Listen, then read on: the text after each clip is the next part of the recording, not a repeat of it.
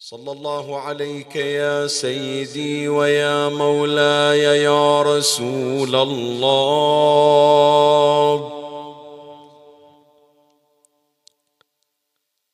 صلى الله عليك وعلى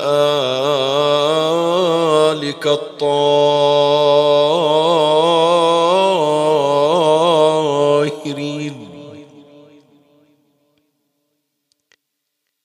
فاز من اعتصم بكم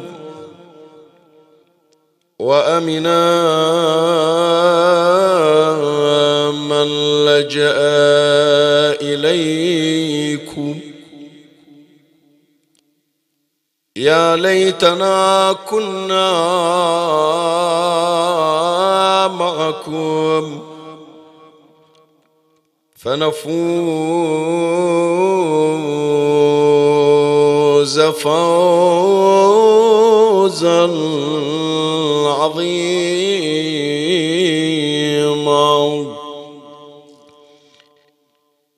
يا غريب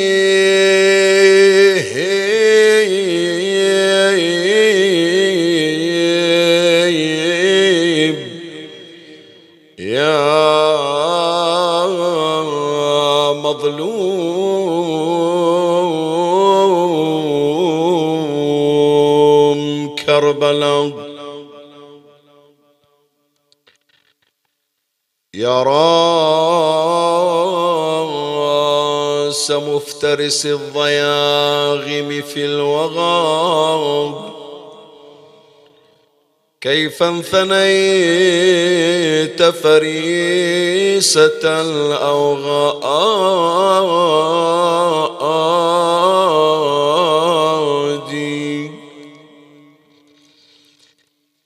يا مخمدا لهب الوغى كيف التحت نوب الخطوب إليك بالإخماد.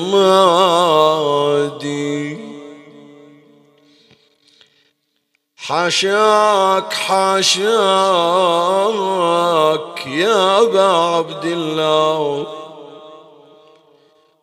حاشاك يا غيظ الحواسد أن ترى في النائبات شماتة الحساد؟ ما إن بقيت ما ما إن بقيت من الهوان على الثرى ملقا ثلاثا في ربا ووهاد إلا لكي تقضي عليك صلاتها. زمر الملائك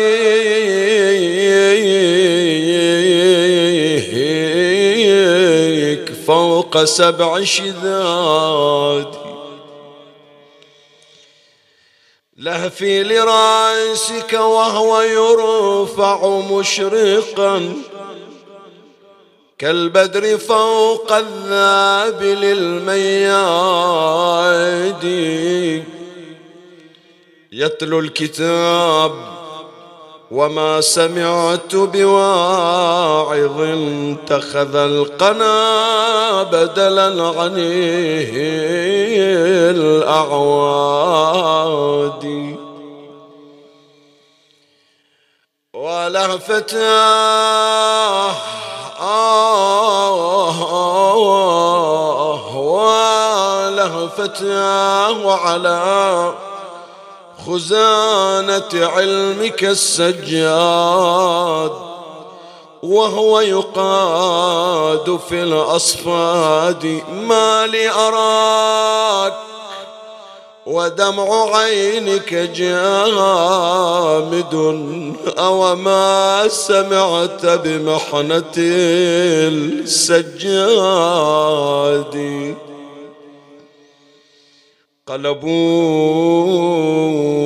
عن نطع المسجى فوقه فبكت له أملاك سبع شدادي ويصيح واذ الله أين عشيرتي وسرعت قومي أين ودادي أين الكمات؟ وأين جدي حيدر؟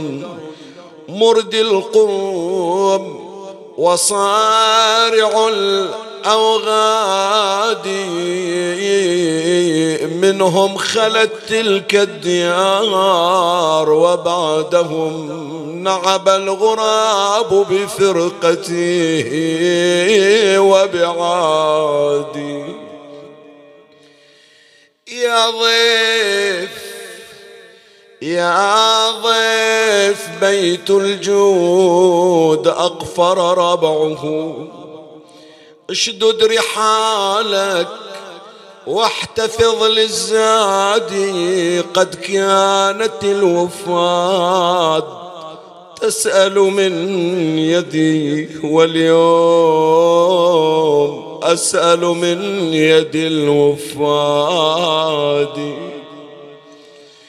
جودي جودي عين بدمع جودي بالأمسن المعروف.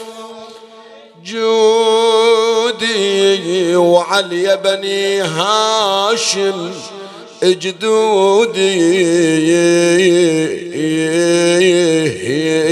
واليوم أرفل في قيودي. أنا واليوم أرفل فيه يا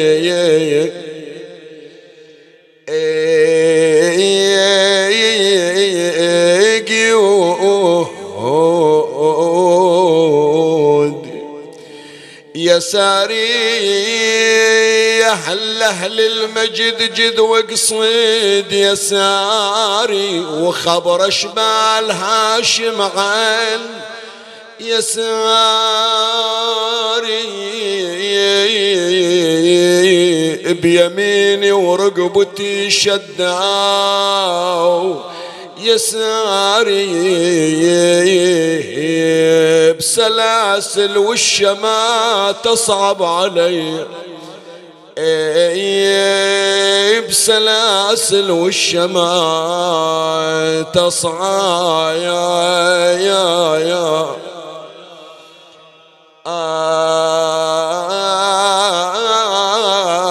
آب عليه.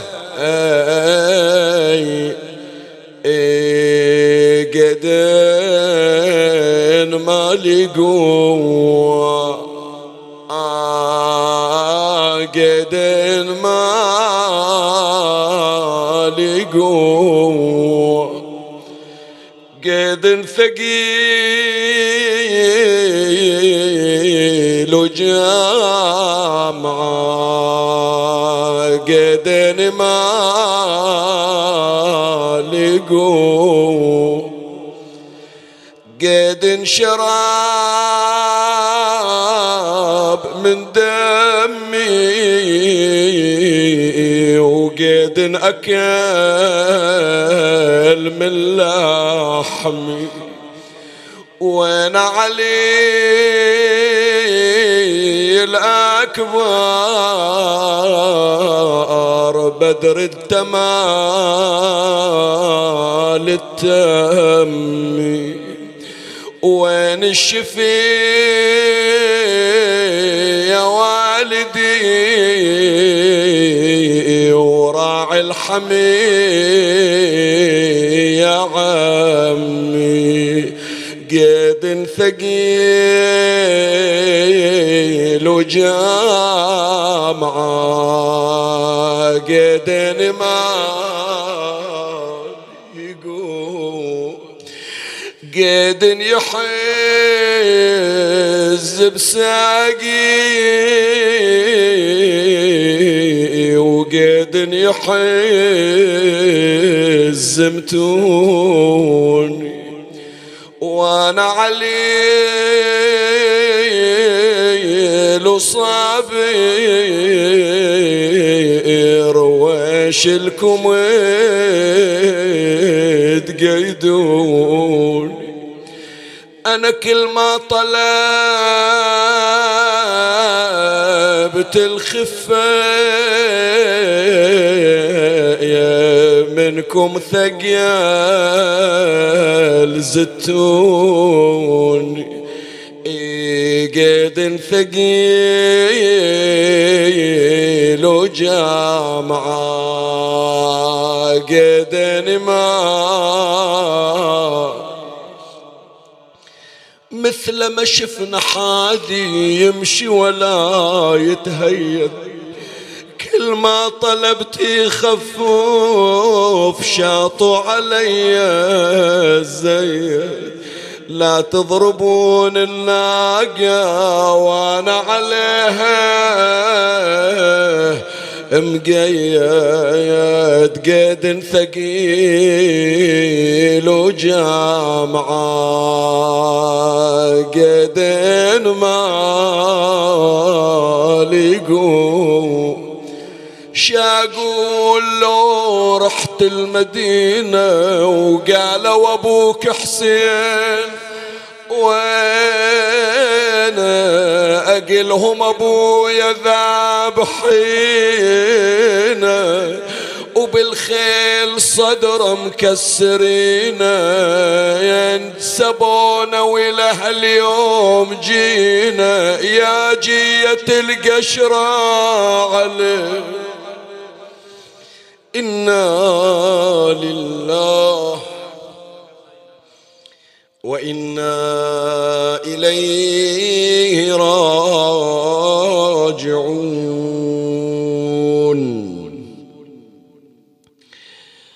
قال إمامنا علي بن الحسين زين العابدين. صلوات الله وسلامه عليه. ما بمكة والمدينة عشرون رجلا يحبنا. لا إله إلا الله. واقعا هذا النص الذي يشير إليه ابن أبي الحديد المعتزلي في شرح نهج البلاغة في الجزء الرابع. يسلط الضوء على أزمة مرت وعصفت بأهل البيت صلوات الله عليهم. يعني تصور هذه الكلمة وما فيها من الخطورة. شوف الإمام سلام الله عليه لم يشر إلى العالم بأسره. أكد على مكة والمدينة. مكة والمدينة يعني الموقعان اللذان يمثلان روح الإسلام. لا يمكن لأحد أن يقصد المدينة إلا من أجل رسول الله صلى الله عليه وآله. وحب النبي لا يتم إلا بحب أهل بيته. لا يمكن لأحد أن يأتي إلى زيارة النبي وهو يبغض آل النبي. حب النبي لا يتم إلا بحب أهله. كذلك مكة المكرمة. الحج لا يتم إلا بحب رسول الله صلى الله عليه وآله. وحب رسول الله لا يتم إلا بحب أهل البيت. فتصور أن شخصا يأتي إلى المدينة لزيارة النبي وهو لا يحب أهل بيت النبي. زين. وتصور شخصا آخر يأتي لحج بيت الله الحرام وهو يعلم بأن حجه لا يتم إلا بمحبة النبي وحب النبي لا يتم إلا بحب آله فهو يتقرب إلى الله عز وجل ببغض أهل البيت. أي حج هذا وأي زيارة هذه. إنصافا تأكيد الإمام على هاتين المنطقتين فيها إشارات خطيرة جدا. إذا كان بلد التدين مكة والمدينة ليس فيهما عشرون رجلا يعلنون الحب لأهل البيت. إذا البلدان البعيدة عن مكة والمدينة شلون؟ شيء مو طبيعي يعني. وإنصافا هذا النص ليس هو النص الوحيد. لا هناك نصوص أخرى تشير إلى هذا المعنى.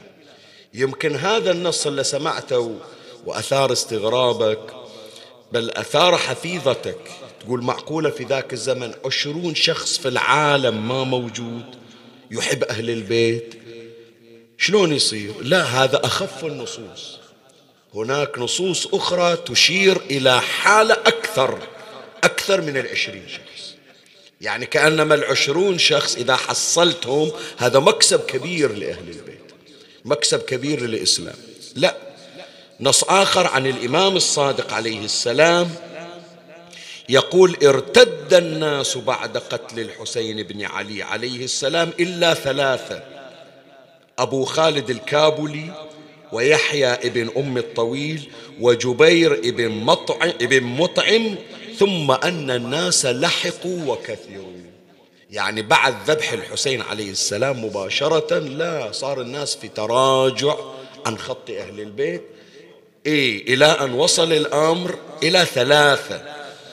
طبعا عبارة الردة مو معنى هذا بأنهم تركوا الإسلام. مو ما يصلون مو ما يصومون مو ما يحجون. لا ظواهر الإسلام ظاهرة عليهم أو علامات الإسلام وملامح الإسلام ظاهرة عليهم. بس الردة المقصودة أنه إذا كانوا قبل مقتل الحسين يجهرون بأنهم يحبون أهل البيت ولو أن هذا الحب حب ظاهري. شلون كلمة الفرز دخل الإمام الحسين عليه السلام؟ قلوبهم معك وسيوفهم عليك. يعني على الأقل ظاهرا هكو يذكر أهل البيت. ظاهرا إذا إجا يصلي صلى على محمد وآل محمد. اللهم صل على محمد وآل محمد. الحب الظاهري اللي كان قبل الحسين عليه السلام هذا أيضا تغير صار يخاف. يخاف أنه يظهر هذا الحب ولو بمقدار الصلوات. حتى بمقدار الصلوات. ليش؟ يقول يخاف أن هذه هذه الصلوات أو إظهار الحب ولو كان بصورة عامة تؤول عند السلطة الحاكمة آنذاك بأنه يميل إلى الحسين وإلى قضية الحسين فيعاقب ويقتل. فلهذا يؤثر حتى ترك أي مظهر من مظاهر الحب. يمكن نستفيد من هالكلمة قصة الزبير عبد الله بن الزبير عفوا عبد الله بن الزبير بن العوام. يمكن نستفيد هالكلمة أنه في خطبته يوم الجمعة في المسجد الحرام. كان إذا ذكر النبي صلى الله عليه وآله لا يصلي على آله. اللهم صل على محمد وآل محمد. فيقولون إلى يقولون إلى خالفت السنة مو هذه السنة. السنة عادة أنه في صلاة الجمعة في خطبة الجمعة يصلى على النبي وعلى آل النبي صلى الله عليه وآله. فأنت ليش غ... فيقول رأيت له أهيل سوء. يعني عند ناس من أهل بيته يأنسون بهذه الصلوات ولو أنه يعرفون أن الخطاب مو موجه لهم تحديدا. بس أكو ناس يستانسون يقولون إحنا معديين بالآن. هذا يمكن يضم إلى هذا المعنى أنه مو فقط الزبير أبو عبد الله عفوا عبد الله بن الزبير. عبد الله بن الزبير طبعا الحقد يدفعه إلى ذلك. بس ليش البعض وافق على مسلك عبد الله بن الزبير. خوفا. إذا كان ذاك حقد ذلك وافقوا على مسلك عبد الله بن الزبير. خوفا يقول لك يلا ما لازم صلوات حتى باكر لا يحسبوننا أن نحن من ضمن أتباع أهل البيت فنعاقب كما عوقبوا. إنصافا النصوص يا إخواني كلها تشير إلى حالة حرجة مر بها الإمام زين العابدين سلام الله عليه بعد مقتل أبيه الحسين صلوات الله عليه. إحنا الآن مو في بيان أسباب هذا الانحراف أو على حسب تعبير أهل البيت عليهم السلام الردة يعني ردة ولائية مو ردة عقائدية دينية. وإن كان حب أهل البيت وتوليهم عقيدة ودين. لكن على أدنى التقادير نقول لا الميل والمودة والمحبة هذه تغيرت. تغيرت. سابقا كانوا يذكرونهم ويظهرون المحبة وإن كان هذا الإظهار إظهار هش ركيك. لكن الآن لا. صار يجي عينا عمدا يمر على أهل البيت ما يسلم عليهم. حتى بإشارة لا يشير لهم. ما يندرى بعد في صلاتهم هل يذكرهم أو لا يذكرهم ما ندري. بس أهل البيت هكذا وضحوا. إحنا مو في مقام بيان الآن أسباب هذه الردة. إحنا عندنا موضوع آخر أهم. وهو كيف تعامل الإمام زين العابدين سلام الله عليه مع أناس لا يحبونه الآن استلم الإمام زين العابدين عليه السلام الإمامة. زين حتى يمارس دوره كإمام. ما يحتاج إلى ناس على أقل التقادير عندهم حب إلى. لا زين ما عنده. يقول لك عشرين نفر ما عندي في مكة والمدينة إلا المفروض يظهر حب أهل البيت في هاتين المنطقتين. هالمنطقتان لا حب لنا فيها من قبل أفرادها. هذا شلون يمارس دوره كإمام هذا يا إخواني ما سنشير إليه يعني معاناة الإمام زين العابدين عليه السلام بعد واقعة الطف. ولهذا حديثي هذه الليلة حول تساؤلات مهمة في سيرة الإمام زين العابدين عليه السلام. كثير من القضايا يا إخوان إحنا نقراها على المنبر يعني محفوظة. لكن تمر من أجل البكاء والإبكاء. ولا نلتفت إلى الأمور الخافية فيها. فأنا الليلة إن شاء الله في هذه الدقائق سأعيش معكم في بيان بعض الأمور الغامضة في سيرة الإمام زين العابدين عليه السلام. وأوضح بعض الحلقات المفقودة في سيرة الإمام. ثلاث تساؤلات أمر عليها تباعا ومن الله أستمد العون والتوفيق ومن مولاي أبي الفضل العباس المدد وألتمس منكم الدعاء وصلوا على محمد وآل محمد. اللهم صل على محمد وآل محمد. زين قلنا تساؤلات ثلاث تساؤلات تطرح هذه الليلة. أول تساؤل ما هي علة الإمام زين العابدين؟ سلام. وما هو مرضه شوف كل العالم الشيعي في هذه الليلة وهو يحيي ذكرى شهادة الإمام زين العابدين عليه السلام يعلمون بأنه كان في كربلاء مريضا وكان عليلا بل أنه من أدبيات الشيعة يقسم على الله تبارك وتعالى بمرض الإمام بعلة الإمام. شوف الليلة الشيعة شلون يتوسلون إلى الله في هذه الليلة وفي يوم غد. بصاحب هذه المناسبة بعليل كربلاء بمريض كربلاء أن يشافي المرضى وأن يدفع السوء والبلاء. طيب مرض الإمام ما هو؟ علة الإمام ما هي؟ ليش عادة يسأل يعني عن المرض؟ خصوص مرض الإمام سلام الله عليه. لأن هذا المرض أوجب قعود الإمام زين العابدين عليه السلام عن القتل بين يدي والده.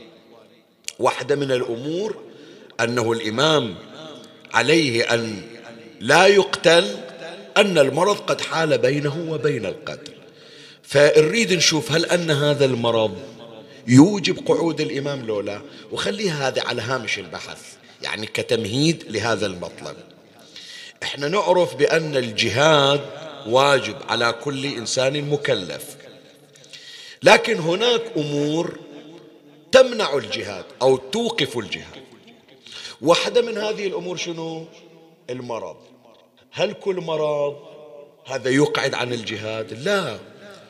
مو واحد مسخن أو مزكم يقول أنا خلاص لا جهاد عليه يقولون الجهاد المقعد يعني المعيق. المعيق إلى عملية الجهاد. وإلا شخص مثلا افرض عنده مرض.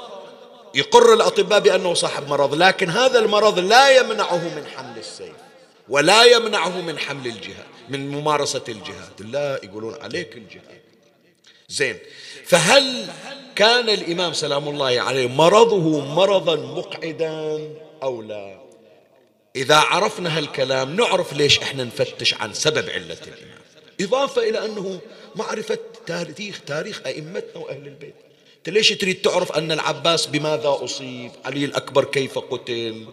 هذا من باب التعرف على سيرتهم صلوات الله عليه فإحنا نريد نتعرف أيضا على سيرة الإمام. هذه كلها دوافع تبحثنا أو تحثنا للتفتيش عما يتعلق بالإمام زين العابدين سلام الله عليه فأنا الآن راح أشير إلى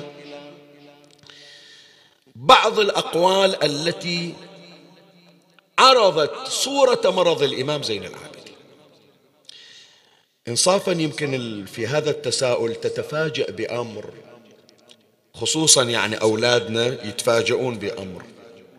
لأنه هذا الموضوع قليلا ما يطرق قليلا ما يبحث. وحتى الذين تعرضوا إلى البحث فيه بعضهم اقتصر على رأي جاب فعلا موجود يعني في الكتب لكن عرضه مع العلم بأن هذا الرأي قد يصطدم ببعض الأمور. فأنا راح أعرض لك أربعة أقوال ما أطمئن إليه وهو الرأي الرابع وهو الذي سيفاجئك. بس أريد أولا أن أعرض لك الآراء وأناقش معك سريعا هذه الآراء. في بيان ما هي علة الإمام وما هو مرض الإمام سلام الله. الرأي الأول الذي ذكرته بعض كتب التاريخ وبعض الروايات أن الإمام زين العابدين سلام الله عليه كان مريضا وعرف مرضه بأنه مبطون. في روايات وفي نقول تاريخية يقول وكان علي بن الحسين مبطونا. زين. مبطون شنو يعني؟ من تجي تقرأ في كتب اللغة تشوف عبارة مبطون إليها أكثر من معنى. مو بس أنت تأخذها العبارة بأنه مبطون وتمشي. في بعض الشروحات العلماء جابوها أو حتى الذاكرون من الخطباء عرضوها مرورا يقول مبطون يمشي دون التفصيل. البعض الآخر ياخذ رأي ويمشي عن بقية الآراء الأخرى اللي مذكورة في المعاجم وكتب اللغة. شنو مبطون؟ اللغة من يجون يتكلمون عن الشخص المبطون. واحد من معاني المبطون شنو؟ المصاب بالحمى. شلون الآن؟ عندنا إحنا في المستشفيات أكو قسم يقولون الأمراض الباطنية مو تمام؟ أو مسوين طبيب مثلا طبيب باطنية. زين شنو باطنية؟ بعضهم يتصور هو البطن. لا مو بس البطن. كل ما هو في جوف الإنسان مو في ظاهره سواء كانت معدة سواء كانت رئة سواء العموم ال... العموم الأجهزة التي هي في باطن جسم الإنسان يطلق عليها باطنية. فمن يقولون في اللغة فلان مبطون مرضه أنه مبطون مو إلا يكون البطن. قد يكون عنده مشكلة في الدم. قد تكون حمى مثلا. فلهذا جاء من ضمن تعاريف المبطون أنه المصاب بالحمى ولا يستطيع القيام. زين نفس البطن أيضا. من يقولون علة في البطن. أي مرض هذا؟ هل هو الإسهال؟ أو هو, هو أو هل هو الإمساك؟ فلهذا بعضهم اجى قال بأنه إمساك. الإمام عبروا عنه أنا مو جاي أقرها لا. أنا بالعكس راح أبين لك بأن هذا مرفوض أصلا. بعضهم قال بأن الإمام كان مصاب بالإمساك المزمن وهذا الذي أقعده. بعضهم قال أن المبطون لا يراد به أنه مصاب بالإسهال الكثير الشديد وهذا راح يجي في الرأي الثاني. بعضهم قال لا وهذا ضم هذا الآن من ضمن التعاريف اللي مع الأسف ما حد عول عليه. تدري المبطون شنو؟ المصاب بجرح في بطنه. حتى لو واحد أصيب بضربة مثلا على بطنه تسببت بإقعاده يقولون مبطون. ما إلى علاقة بأنه إمساك أو إسهال أو حمى. فهذا ضم عندك لأني إلي شغل فيه. أطلع إن شاء الله في الرأي الرابع في مسألة علة الإمام فإذا أول رأي يقول أن الإمام مرضه شنو؟ مبطون. الرأي الثاني يقولون الإمام هذا الشيخ المفيد يذكره. يقول الإمام كان مصاب بمرض يقال له الذرب. حط قوسين على هالكلمة. يمكن الشيخ الوائل تعرض إلها هذه أيضا. بعض الخطباء ذكروها من سألوهم عن مرض الإمام زين العابدين عليه السلام. قالوا كان كان مصابا بالذرب. موجود في بعض المصادر قلت لك منها الإرشاد للشيخ المفيد أشار إلى أن الإمام مصاب بالذرب. تدري شنو الذرب؟ الذرب شنو؟ الذرب مو الإسهال الإسهال الشديد. يعني واحد ما يتوقف بطنه مثلا. حتى بعض التعبيرات مع الأسف يعني إجت على كل حال في بعض استفتاءات مراجعنا. بس ما أدري شلون يعني على أي حال جاوب. على كل حال أمر يترك بس هذا ما مقبول. إيش قال عن الذرب أو غيره؟ قال فساد في المعدة. المعدة من يصير عملها مو مستقيم ما تقبل الأكل ما تقوم بعملية الهاض مباشرة تطلعه هذا يقول هذا معنى الذرب فالإمام يريدون يقولون بأنه كان لا يقف الطعام في بطنه فابتلي بالإسهال الشديد. ما نقبل هالحكي يا جماعة؟ ما نقبله. لا تقول لي إذا ما ذاكر ما يخالف على عيني وعلى راسي مذكور في الكتب لكن كل شيء موجود في الكتب ما تأخذ أخذ المسلم. تناقشه هل يناسب وضع الإمام أو لا يناسب وضع الإمام. شلون؟ أنا أقول لك أول شيء يا إخواني كون أن هذا التعبير بالذرب أو المبطون يأولونها إلى مرض في البطن هذا يتنافى مع عنوان التطهير. تعرف ويطهركم تطهيرا شنو يعني؟ مو بس من الذنوب والمعاصي. أي قاذورات لا ترى فيهم. هذا مو بس رأينا إحنا الشيعة. في رأي موجود عند بعض مفسرين السنة ولعله الفخر الرازي في تفسيره الكبير يقول من إجا القرآن قال ويطهركم وأطلق التطهير فوق هذا جاب مفعول مطلق تطهيرا. تعرف تطهيرا يعني الطهارة مضاعفة. فأي نجاسة مو متصورة في أهل البيت. أي نجاسة أي قاذورات غير متصورة في أهل البيت. حتى يذكر صاحب هالراي يقول أصلا شلون أتصور بأن أهل البيت عليهم السلام تصدر منهم النجاسات كالبول والغائط والقرآن يقول ويطهركم تطهيرا.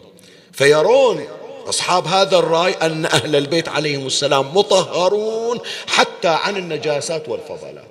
الآن ويا التطهير اللي يجي بهالمعنى أنا أقول في قبالة يبتلى مو بحالة إسهال اعتيادي إلا إسهال شديد. هذا شلون يصير؟ هذا متنافي يا إخواني مع مصداق التطهير. هي وحدة الشيء الثاني شوية خلنا نفرض جدلا.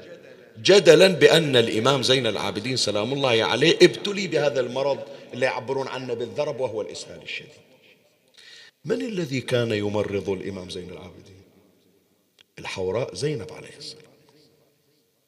هو نفس الإمام زين العابدين في بعض الروايات يقول وكانت عمتي عندي تمرضني. بالله عليك أنت تصور الإمام إذا كانت حالته تستوجب الإسهال الشديد تقعد وياه وحده عمته تنظر إلى هذا الحال. شلون أنت تقبلها أصلا؟ طيب الإمام زين العابدين عليه السلام ذاك الوقت زوجته وياه السيدة فاطمة بنت الإمام الحسن أم الإمام الباقر. فإذا كانت هذه العلة علة خاصة بعض الأمراض أمراض خاصة ما تنكشف حتى على الأب حتى على الإخوان إلا إذا ما عنده أحد. هذه عادة لا يطلع, لا يطلع عليها إلا أقرب المقربين. كالزوجة مثلا وهي الأولى مع مقام الحوراء زينب عليه السلام. فشلون أنت تقبل إذا كان الإمام زين العابدين كما تدعي معرض إلى الإسهال الشديد أن تكون زينب عليه السلام عمته هي المباشرة له؟ وأنت من تقول الحوراء زينب ممرضة الممرضة يعني شنو شو تسوي؟ يعني تقوم بعملية اللوازم التي يحتاجها في علاج نفس المرض. شلون هذه؟ شلون تتسق شلون يصير؟ فهذا أمر مرفوض يا إخوان وأنا أعجب يعني بعض الكبار من الخطباء يذكرها. لا لا مصطدمة بعدة أمور. هي واحدة من هذه الأمور. صار عندنا كم رأي في مرض الإمام؟ اثنين. قلنا أنه مبطون وقلنا بأنه مصاب بالذرب ونقضنا الاثنين. الثالث من مما ذكروه في مرض الإمام سلام الله عليه قالوا بأنه قد أصيب بالعين أصيب بالحسد. تذكرون الرواية اللي يذكرونها عن محمد بن الحنفية أنه أهدي إليه درع فكان الدرع طويلا وكان محمد بن الحنفية عليه السلام قويا فأخذ يفت الحديد حديد الدرع بيده. من قوة محمد بن الحنفية هذا من ضمن ما يذكر في مرضه. من يجون يقولون ما الذي حبس محمد بن الحنفية عن نصرة الحسين عليه السلام؟ بعضهم يقول أمر وهذا ما نطمئن إليه. أمر الإمام الحسين وأما أنت يا أخي فلا عليك أن تبقى في المدينة لتكون لي عينا عليها. بعض الآراء تقول لأنه كان مريضا. زين شنو مرض محمد بن الحنفية؟ يذكرون قضية الدرع. أهدي درع إلى محمد بن الحنفية وكان طويلا فأخذ يعالجه بيده ويفته. فنظر إليه أحدهم فحسده فعطبت يده. حتى يجون يذكرون في هذا النقل أنا مو في مقام تصحيح الآن وتوثيق بس أذكر لك عرض تاريخي. يقولون فصارت يده تنضح في الشتاء ويابسة في الصيف. وهذا الذي أقعده عن حمل السلاح. بعض الآراء هذا مو رأي شيعي. يذكر العلامة المجلسي في بحار الأنوار عن بعض المصادر من إخواننا. يقول أن الإمام زين العابدين أيضا هالشكل أصيب. كانت عنده درع والدرع طويلة وكان الإمام زين العابدين قويا فأخذ يعالج الحديد من الدرع ويقطعه ويفته. نظر إليه أحدهم فأصابه بعين الحسد وهذا الذي أقعده. هذا أصلا مرفوض. ليش مرفوض؟ مو لأنه مو ممكن ممكن. بس علة الإمام يا إخواني مو علة دائمة. علة الإمام صارت كم يوم؟ ما طولت. لا تتصور يعني العلة بقت ويا الإمام. لا لا لا. علة الإمام كانت تقريبا من اليوم التاسع من المحرم يوم الحادي عشر أو يوم الثاني عشر من المحرم لما زال خطر قتل الإمام زين العابدين ارتفعت علة الإمام صلوات الله عليه. فلو كانت هذه العلة مثل ما يقولون بالعين يعني إذا مرض مزمن في يد الإمام. وهذا خلاف عصمة الإمام. الإمام ليس فيه إعاقة أصلا. هذا ما يمكن أن ننقبله بس من ضمن الآراء التي تذكر نجي إلى الرأي المهم. شوي حط بالك للكلمة حتى تعرف مرض الإمام ما هو. وهذا اللي أقول لك مفاجأة بخصوص الإمام سلام الله يعني هذا الرأي يتبناه بعض علماء ومحققي وأئمة الزيدية أن الإمام سلام الله عليه مرضه أنه مرتث. حط بالك للكلمة واحفظها. ارتث الإمام. مرتث شنو يعني؟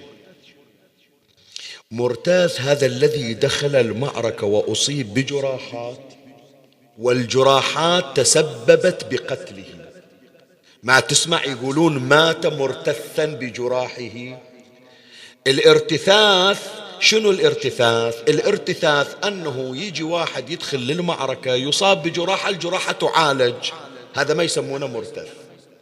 المرتث يصاب بجراحة يجي الطبيب يريد يعالجه يقول ما إلى علاج. يعني مثلا تجي ضربة افرض على عضو حساس عليه قوام الحياة. مثلا قلبه مثلا ينفطر يقول أعالج فيه. خلاص هذا الآن في اللحظات الأخيرة. فإذا عجز الأطباء عن علاجه من جراحات المعركة يسمونه شنو؟ مرتث بجراحه. زين هذا طبعا موجود في أنصار النبي صلى الله عليه وآله. فلان طلعوا من المعركة مرتثا بجراحه ومات. هذا يسمونه مرتث بجراحه. الإمام زين العابدين مرتث بجراحه. شلون مرتث بجراحه يعني هل دخل الإمام معركة؟ إيه؟ علماء الزيدية يقولون نعم. الإمام زين العابدين دخل المعركة وقاتل. وأصيب بجراحات والجراحات كادت أن تقضي على حياة الإمام زين العابدين سلام الله عليه. وهذا اللي أقول لك أمر غريب إلا البعض يتصور الإمام ما إلى مشاركة في الحروب. لا لا لا إلى مشاركة. زين الجميل لرأي الأستاذ الأخ العزيز سماحة الشيخ فوز السيف حفظه الله رجل محقق انصافا من أقرب المقربين إلى قلبي لإيمانه ولأدبه ولبحثه ودقته في الناقل وعرضه. عرض هذا الرأي وهو رأي أحد المحققين آية الله سيد محمد رضا الجلالي حفظه الله أحد أهم المحققين على قيد الحياة حاليا. إي وعنده كتاب جهاد الإمام السجاد اللي يتابعون يا ريت يبحثون عن هذا الكتاب ويقرونه جدا مهم. تقرأ شيء جديد عن الإمام سلام الله عليه. يعني. والرجل حجه في عالم التحقيق. يتبنى هذا الرأي وهو رأي الزيدية. شيخ فوز السيف من اجى يقول ما يمكن أنه نقبله. ليش؟ قال لأن هذا رأي خاص بالزيدية. الزيدية عندهم أن أئمتهم لا يكون الإمام إماما حتى يحمل سيفا ويقاتل. ولهذا هم ما يقبلون بالإمام الحسن عليه السلام لأنه عندهم ما قاتل أو الشخص الذي قعد ولم يقاتل هذا ما يعتبرونه إمام. ليش ما يقبلوا بالإمام قبلوا بزيد الشهيد ولم يقبلوا بالإمام الصادق عليه السلام؟ لأن زيد قاتل لكن الإمام الصادق ما قاتل. فمن إجوا للإمام علي بن الحسين عليه السلام زين شلون يقبلون من عنده؟ علي بن الحسين ما قاتل شلون يصير؟ فجابوا هذا الرأي أنه علته أنه دخل معركة وقاتل. وأصيب بجراحات والجراحات أقعدته. شيخ فوزي السيف يقول بأن هذا الرأي رأي زيدي إحنا ما نعتمد عليه. بينما السيد الجلالي يهتم به لو يقول لي رأي مقبول. وانصافا عندنا دلالات تشير حتى لو ما صرحت تشير إلى أن الإمام سلام الله عليه علته أنه أصيب بجراحات كادت تقضي على حياته. خلي أذكر لك بعض من هذه الدلالات. واحدة من هذه الدلالات ما أشار إليه الإمام زين العابدين سلام الله عليه. الإمام زين العفو الإمام الباقر صلوات الله عليه. يصف حالة أبيه الإمام زين العابدين. يقول إنهم لا يرون إلا أنه لما به. بعيد الكلمة وركز فيها. أهل البيت ونساء أهل البيت من يشوفون الإمام زين العابدين بحالة المرض؟ يقول لا يرون إلا أنه لما به. يعني شنو؟ يعني بيموت من هالجراحات. ما إلى علاج. إيه معنى الكلام أنهم لا أنهم لا يرون إلا أنه لما بي يعني راح يموت من هالجراحات. ما إلى علاج ولا, ولا راح يطلع. إيه ينتظرون موت الإمام من هول الجراحات. هذه إشارة إلى أنه المرض مو عادي إسهال عادي مثل ما يقولوا زين واحد. الثاني واحدة من الأمور اللي مرت على الإمام زين العابدين سلام الله عليه ليلة الحادي عشر خولا ابن يزيد الأصبحي. من دخل على خيمة الإمام إيش سوى؟ جر النطع الذي كان تحته وقلب إمامنا على وجهه.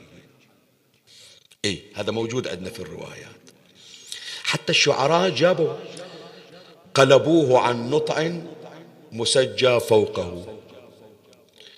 سيد جعفر الحلي في قضيته قصيدته الله أي دم في كربلاء سفكا يقول جروه فانتهبوا النطع المعد. له يعني نطع مجهز للإمام النطع شنو؟ إذا تتذكرون في محاضرات محرمة إحنا أشرنا إليها. النوط هذا جلد. وعادة يستخدمون النوط إلى عمليات الإعدام. ما تسمع أحيانا المنصور الدوانيقي يصيح يا سياف علي بالسيف والنطع. النطع مثل ما إحنا نعبر عنه شلون الطشت شلون الحوض بس من جلد. أو قطعة مثل ما نقول إحنا صماط. شلون السفرة؟ جلد. إذا جابوا واحد بيضربون راسه حتى الدم ما يصير في في المجلس يوسخ المكان يصير عملية الذبح والقتل على النطع مثل ما تقول سفرة يعني. زين الإمام سلام الله عليه المفروض إذا مريض يحطون تحت فراش لين ما يحطون تحت جلد. ليش حطوا جلد؟ شوف الكلام اللي قلناه بخصوص السياف. لأن الإمام من جراحاته ينزف دما. فالدم ينزل على وين؟ على النط فلهذا إجوا جروا النط هي كلها دلالات إلى أن الإمام سلام الله عليه علته كان مريضا كان مصابا بالجراحات التي لاقاها من بعض الحروب. يبقى بعضهم يقول شيخنا أي معركة؟ هل معركة يوم العاشر؟ ما قرينا في المقاتل أن الإمام زين العابدين عليه السلام اشترك في المعركة. خلي في بالك أن المعارك مو يوم العاشر بس لا. صارت معارك حتى بعد يوم العاشر حتى يوم الحادي عشر اللي إجوا فيما بعد. صارت هناك معارك.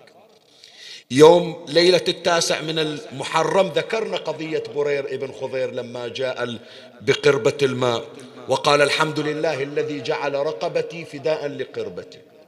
قضية حبيب ابن مظاهر ذكرنا بأنه راح إلى بعض بني عمومته يستنصرهم ويدعوهم إلى نصرة الحسين. وجرت مقاتلة وهذا عون ابن عبد الله بن جعفر مدفون في الخارج. فقد يكون الإمام زين العابدين اشترك في بعض هذه المعارك. أو لا قد يكون فعلا في يوم العاشر اشترك. لكن الرواة أخفوا ذلك. ليش؟ لأنه إذا معروف بأنه قاتل في يوم العاشر شلون يخلونه ما يقتلونه؟ كان أصلا يصفى يعدم. فلهذا تم إخفاء مشاركة الإمام سلام الله عليه حفظا على حياته. زين. هذا ما تقدم بالنسبة إلى التساؤل الأول حول علة الإمام. مو معنى هذا بس هذه الأربعة آراء مذكورة. أكو آراء بس ما نعول عليها. يعني أنا متعجب بعض من العلماء يقول بأن علة الإمام زين العابدين شنو؟ أنه كان مصابا بالعطش الشديد. هي غريبة أنا أتعجب.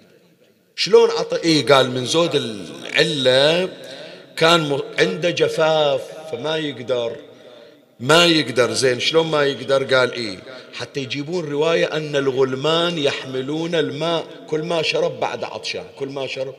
شلون يصير؟ أولا ماي ما موجود.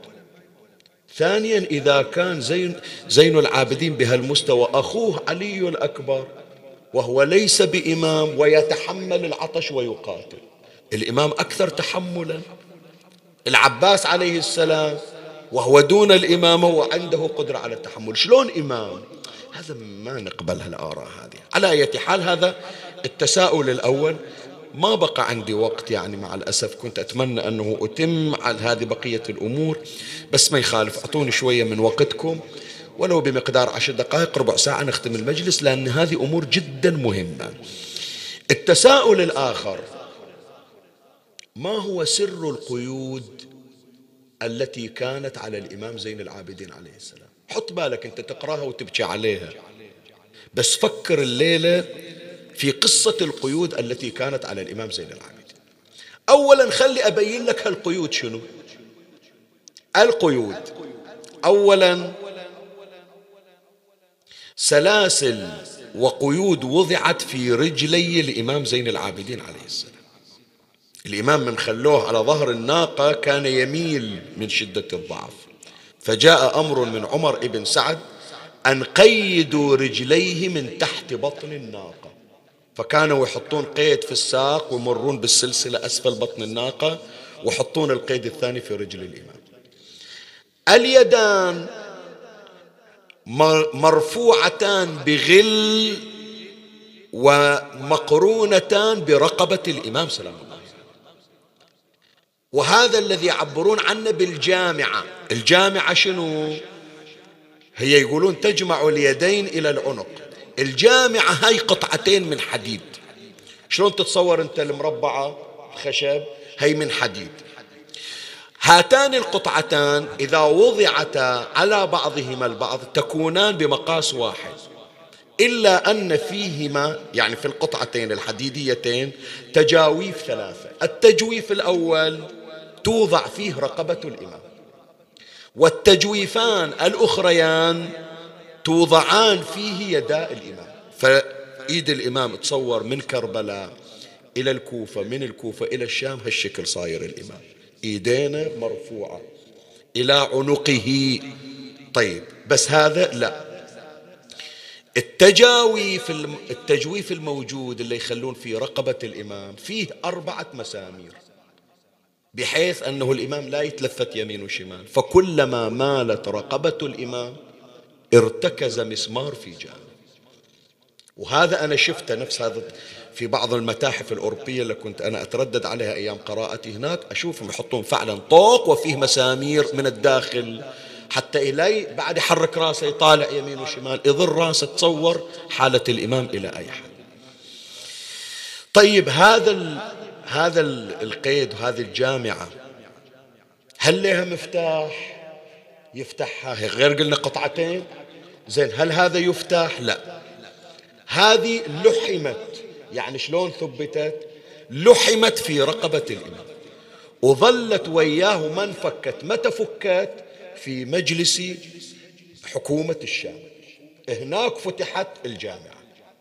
كيف فتحت الجامعة؟ أول ما أدخل الإمام سلام الله عليه على المجلس قال لحاكم الشام يا فلان ما ظنك بجدنا رسول الله؟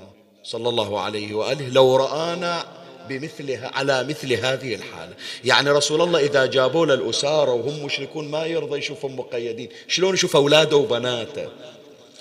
فأمر بالحبال فقطعت.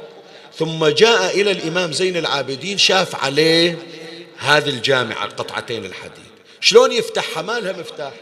فجيء له بمبرد وصار يبرد القطعة حتى أكلت في لحم الإمام. سلام الله عليه. هذا الأثر ترى باكر يشوف الإمام الباقر عليه السلام.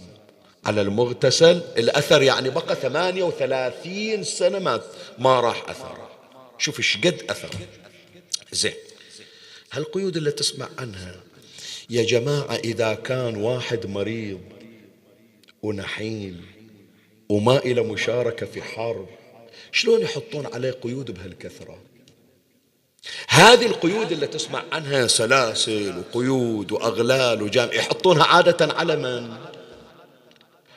أحسن يحطونها على الشخص الذي يخشى من مقاومته إحنا الآن شايفين أكو إذا جابوا مثلا واحد في هذا جوانتنامو غير جوانتنامو يكثرون عليه. يقولون هذا مجرم خطر مو مثل بقية المجرمين. فيزيدون عليه من القيود وتصير عليه الرقابة أكثر. فلو كان الإمام مجرد عليل مثل ما يقول البعض أنه والله عنده إسهال أو عنده إمساك أو عنده سخونة أو بعضهم الآن ما أدري من وين جايب يجون يسألوننا شيخنا شنو عند الإمام sickler تكسر في الدم؟ ما مفتهم يعني أنا هالقضية هذه. زين لا الإمام وجدوا من شجاعته ما ذكرهم بشجاعة جده أمير المؤمنين صلى الله عليه وسلم. أي نعم. فلهذا هذا القيود هذه القيود اللي تقراها مثل الليلة وباكر وتسمعها على طول تفسر شجاعة الإمام زين العابدين. وكيف كانوا يخافون منه. زين هل هناك قرائن تؤكد على هذا المعنى؟ إي نعم. أكو رواية يذكرها المحب الطبري في كتاب دلائل الامامه هذا محسوب من الشيعة طبعا. يذكر الرواية حط بالك إلى الرواية شلون تكشف لك صورة مغايرة عن الصورة اللي تتصورها عن الإمام زين العابدين سلام الله عليه. يعني. عن قدامة بن عاصم قال كان علي بن الحسين عليه السلام رجلا ضخما من الرجال. شوف الكلمة. وكان ينظر إلى صريمة فيها ظباء يعني قطيع غزلان. شايف الغزال إذا ركض منه يلحقه؟ من سرعته. يريد يقول هذا الراوي قيس ابن عاصم قدامة ابن عاصم يقول الإمام معروف بالشجاعة وسرعة العدو والركض بحيث إذا أرادوا العرب يصيدون الغزلان ما يلحقون عليهم. يقولون للإمام نستعين بك. فالإمام يتقدم فيسبق الغزلان يسبق الظباء القطيع مو الوحدة القطيع. فيسبقها فيأتي إلى أمامها فيرفع يده فترجع بقوة وصول الإمام قبل الغزلان. هذا اللي يذكرها الراوي. يقول عن قدامة ابن عاصم قال كان علي بن الحسين عليه السلام رجلا ضخما من الرجال وكان ينظر إلى صريمة يعني القطيع فيها ظباء يعني غزلان فيسبق أوائلها فيردها على أواخرها. يعني سرعة الإمام أسرع من الغزلان أصلا ويستعان به في اصطياد الغزلان. هذه يذكرها محب الطبري في دلائل الإمامة. فالإمام مو مثل ما تتصور والله واحد ضعيف.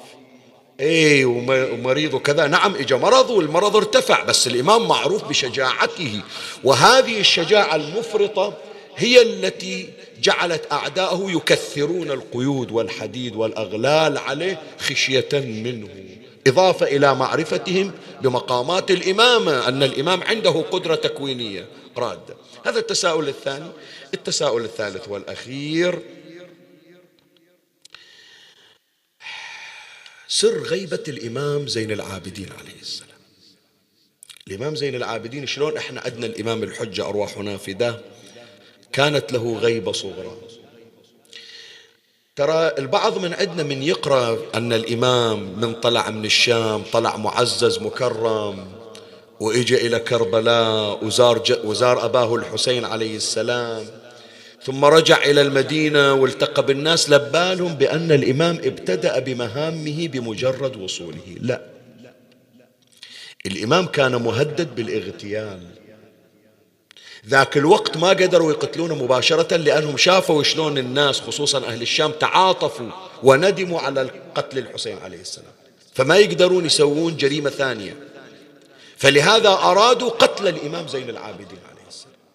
بس يوصل شلون يقتل بالسوم يجي واحد إليه يغتال في بيته. فلهذا يمكن بعضكم أول مرة يسمع أن الإمام زين العابدين من رجع إلى المدينة طلع من المدينة ما قعد فيها. هذه الرواية عن الإمام الباقر عليه السلام. وين سكن الإمام؟ لسنوات. كان ساكن ناصب له خيمة في البر. كل يوم يتنقل من مكان إلى آخر. حتى ما حد يعرف وين موجود إلى أن تستقر الأمور. أقرأ لك الروايات بس هي الروايتين ونختم مجلسنا انتهينا خلاص بعد. يقول الإمام الباقر عليه السلام كان أبي علي بن الحسين عليه السلام قد اتخذ منزله من بعد مقتل أبيه الحسين بن علي عليه السلام بيتا من شعر. يعني خيمة إحنا نسميها. بيتا من شعر وأقام بالبادية فلبث بها عدة سنين. كراهية لمخالطة الناس وملاقاتهم. الناس يقصدون منه يعني اللي عندهم موقف غير موقف أهل البيت عليهم السلام. هذول صاروا يتشفون بأهل البيت. فالإمام ما يريد يلاقيهم إلى أن يستقر الأمر. كراهية لمخالطة الناس وملاقاتهم. وكان يصير من البادية بمقامه إلى العراق زائرا لأبيه وجده عليه السلام ولا يشعر بذلك من فعله. يعني سنوات بعض العلماء يقولون ست سنين الإمام عايش في البر ما حد يشوفه ولا يلتقي به غيبة غيبة. يروح النجف يزور يروح إلى كربلاء يزور من غير ما حد يعرفه. بعضهم يقول أن الإمام غير شكله أصلا. فهذه السنوات أصلا ما يدرون وين الإمام. طيب الناس ترجع لمن؟ ترجع الناس للحوراء زينب عليها؟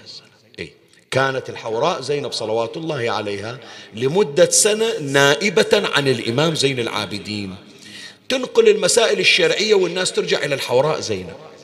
بعد الحوراء زينب صاروا الوكلاء للإمام زين العابدين هم اللي ينقلون الأخبار وينقلون المسائل الشرعية حتى استقر الأمر بعد خروج المختار الثقفي.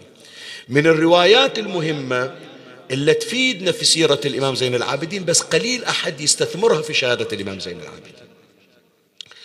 أكو رواية إلى السيدة حكيمة بنت الإمام الجواد.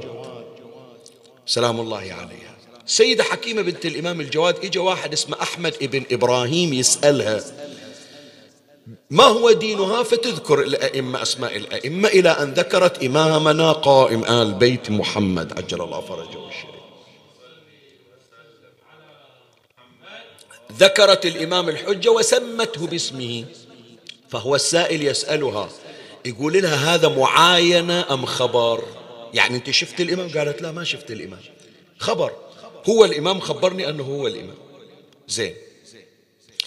قال لها إذا خبر الناس ترجع لمن؟ الآن الشيعة. إلى من يرجعون؟ في زمن غيبته غيبة الصغرى. إلى من يرجعون؟ فأشارت إلى الجدة أم أبي محمد يعني السيدة سوسن أم الإمام العسكري عليه السلام. الناس ترجع إلها. هذا السائل ما قبل. قال يصير يعني إمام يخلي النائب ماله مرة شلون يصير؟ فهي السيدة حكيمة بنت الإمام الجواد ذكرت قالت فقلت هو الراوي يقول فقلت أقتدي بمن وصيته إلى امرأة؟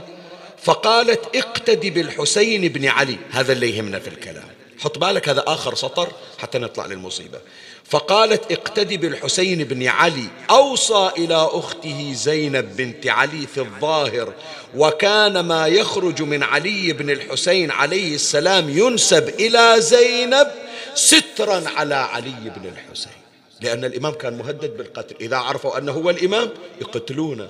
فصارت مولاتي زينب فداء للإمام زين العابدين صلوات الله عليه إلى أن ارتفع وزال الخطر عن الإمام. في هالفترة هذه الإمام زين العابدين ترى عاش حالة من الرعب مو رعب على نفسه وحياته لا. وإنما رعب وخوف على بقاء خط الإمامة. لو قتل الإمام انتهى عصر الإمام. فلهذا لسنوات كان الإمام متخفيا ثم بعد هذا لما ارتفع ذلك الخوف ابتدأ الإمام يمارس دوره. إن شاء الله هذا في بقية المحاضرات اللي بتكون باكر ظهرا وعصرا. نأتي إلى بقايا سيرة الإمام. سلام الله عليه. بس هذا خليته أجوب على تساؤلات مهمة.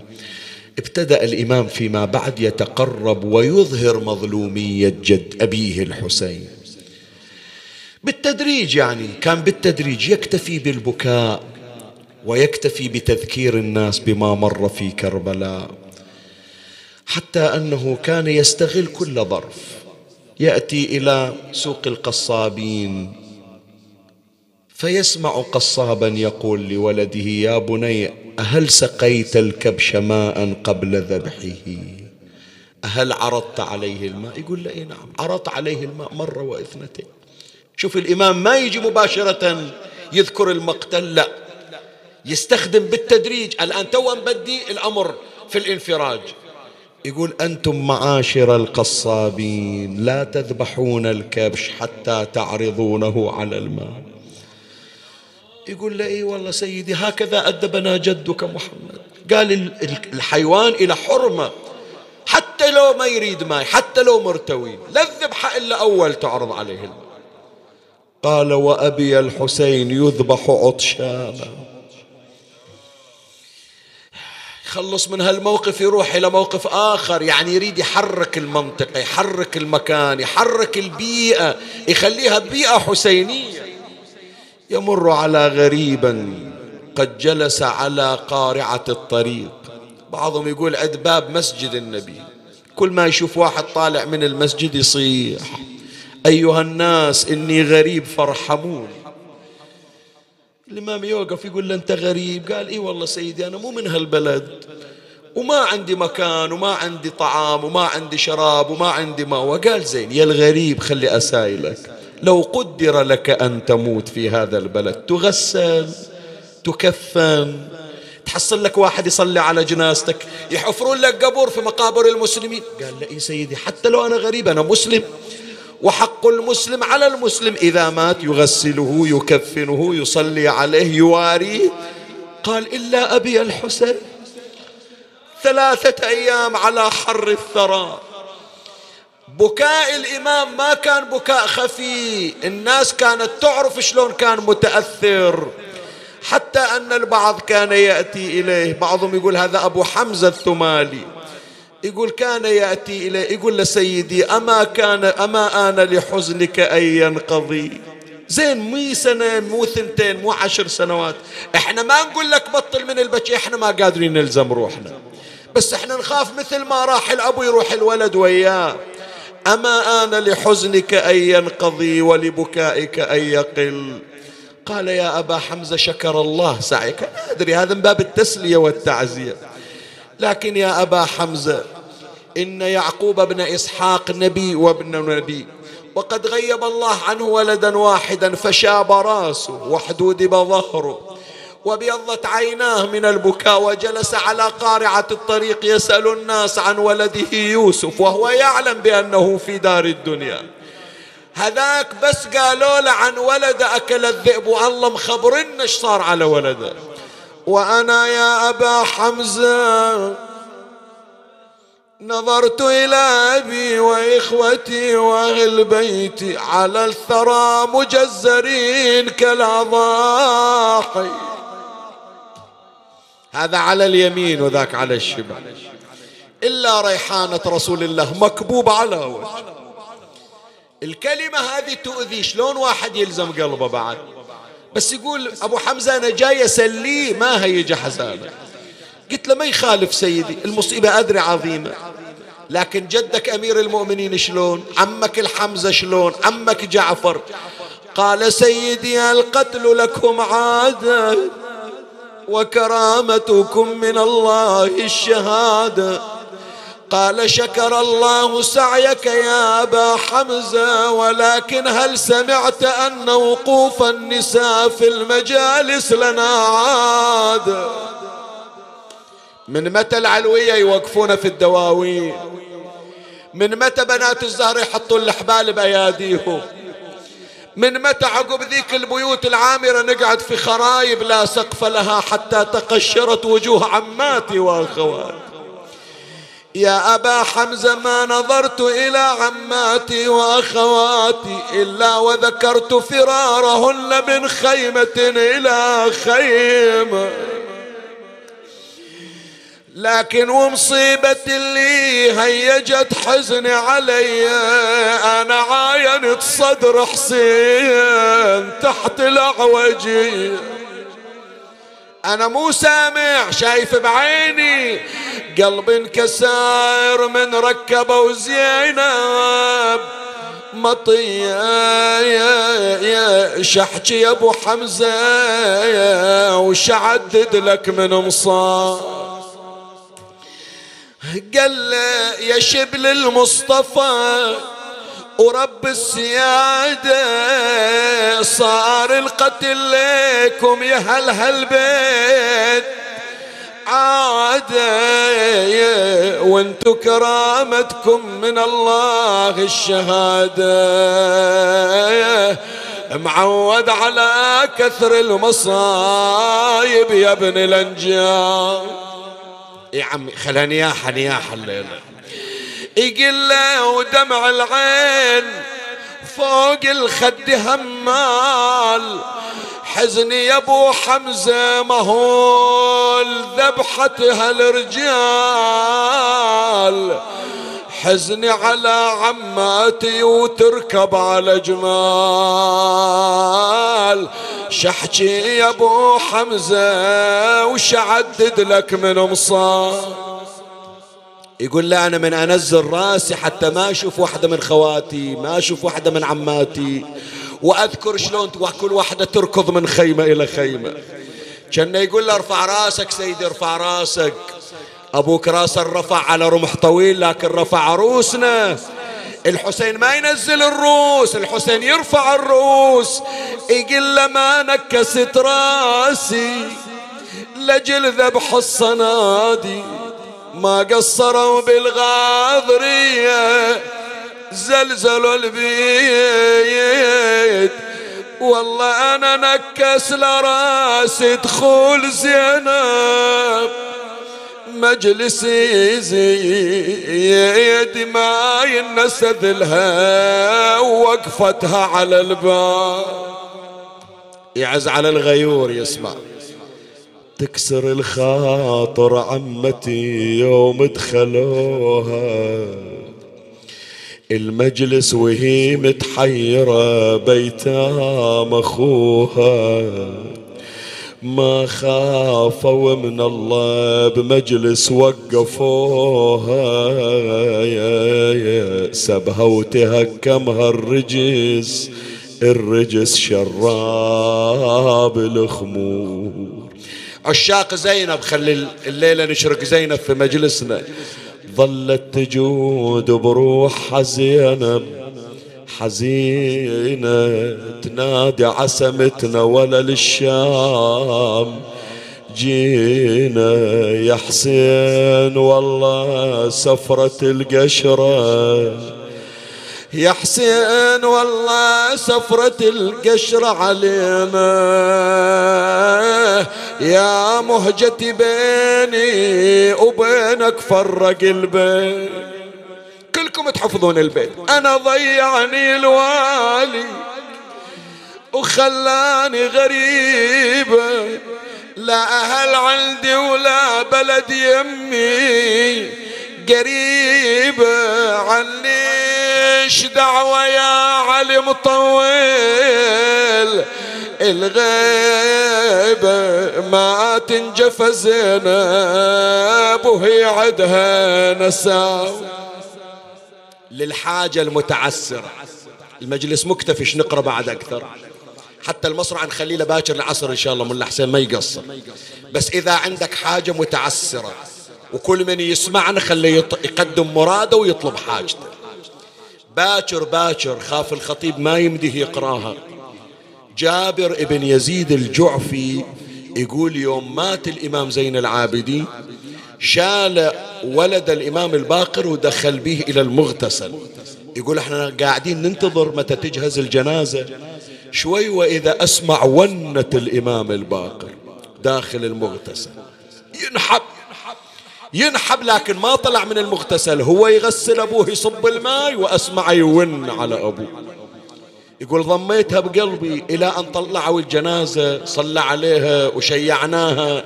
وجينا للبقيع ودفنها والإمام الباقر راجع وأنا أمشي وياه جابر يقول قلت له سيدي أنا واقف ورا المغتسل وأسمعك تون أكان ذلك حزنا على فراقه؟ قال له لا يا جابر وإن عز علي فراقه؟ قال له شبتشاك قال يا جابر لما جردت والدي من ثيابه حضر قلبك نظرت إلى أثر الجامعة في عنقي وأثر الغل في يدي وأثر القيد في ثمانية وثلاثين سنة ما راحت الآثار. اتذكرت وقفة أبويا بالدواوين والمجالس. ما لزمت نفسي. عمي شوي عطني مهلة أبوس إيدك. شوف وين أريد أوديك. أقول له سيدي ثمانية وثلاثين سنة. اتذكرت المصيبة وبكيت. جدك أمير المؤمنين يوم دخل ويا أمك الزهرة الشاف. انت يا مولاي يا أبا جعفر يوم غسلت أبوك وحطيت إيدك إيدك على خاصرته ما أحسست بأضلاع مكسوره شفت آثار القيد صحيح. وجدك علي أحس بضلعين مكسورين في خاصرة فاطمة الزهر. إلى كل غيور خلي أسمع صوته. ضلع واحد. ما قدرت حيدر تشوف لو ان حاضر يا علي برضو الطفوف. تنظر ابنك وزعت جسم السيوف وخلت الأضلاع كلها مكسر. البيت والله حار. صدق يعني قاسي قاسي مو كل وقت ينقرأ. يقول لولا خد اللي لولا خد اللي انسطر من البتول. لولا ضلع اللي انكسر من البتول. كان ما داست على حسين الخيول. مو أقول لك البيت قاسي شلون أكمل لك الباقي؟ لولا ضلع اللي انكسر من البتول. كان ما داست على حسين الخيول. ولولا كف اللي سطر بنت الرسول. يسر وبتها وخددها ميسر ضربوا الأمة في المدينة وضربوا البنت في كربلاء. صاحت يا خويا الشمر والله ضربني ضربني ضربني. يا أبو علي شاليده وعلى خدي سطرني. خويا لانكسر قلبه ولا رحمني. يا أبو علي سب أمي يا خويا وشتمني. أنعم جوابا يا حسين أما ترى شمر الخنا بالصوت كسر ضلوع فأجاب زينب وهو يحفص في الثرى قضي القضاء يا زينب. اللهم صل على محمد وآل محمد. يا قاضي الحاجات يا مجيب الدعوات يا سامع الشكايات اسمع لنا واستجب يا الله. اللهم اقض حوائجنا وحوائج المحتاجين واشف مرضانا وأمراضنا يا رب العالمين. ادفع هذا البلاء والوباء عنا وعن المؤمنين وأهل العالم يا رب العالمين.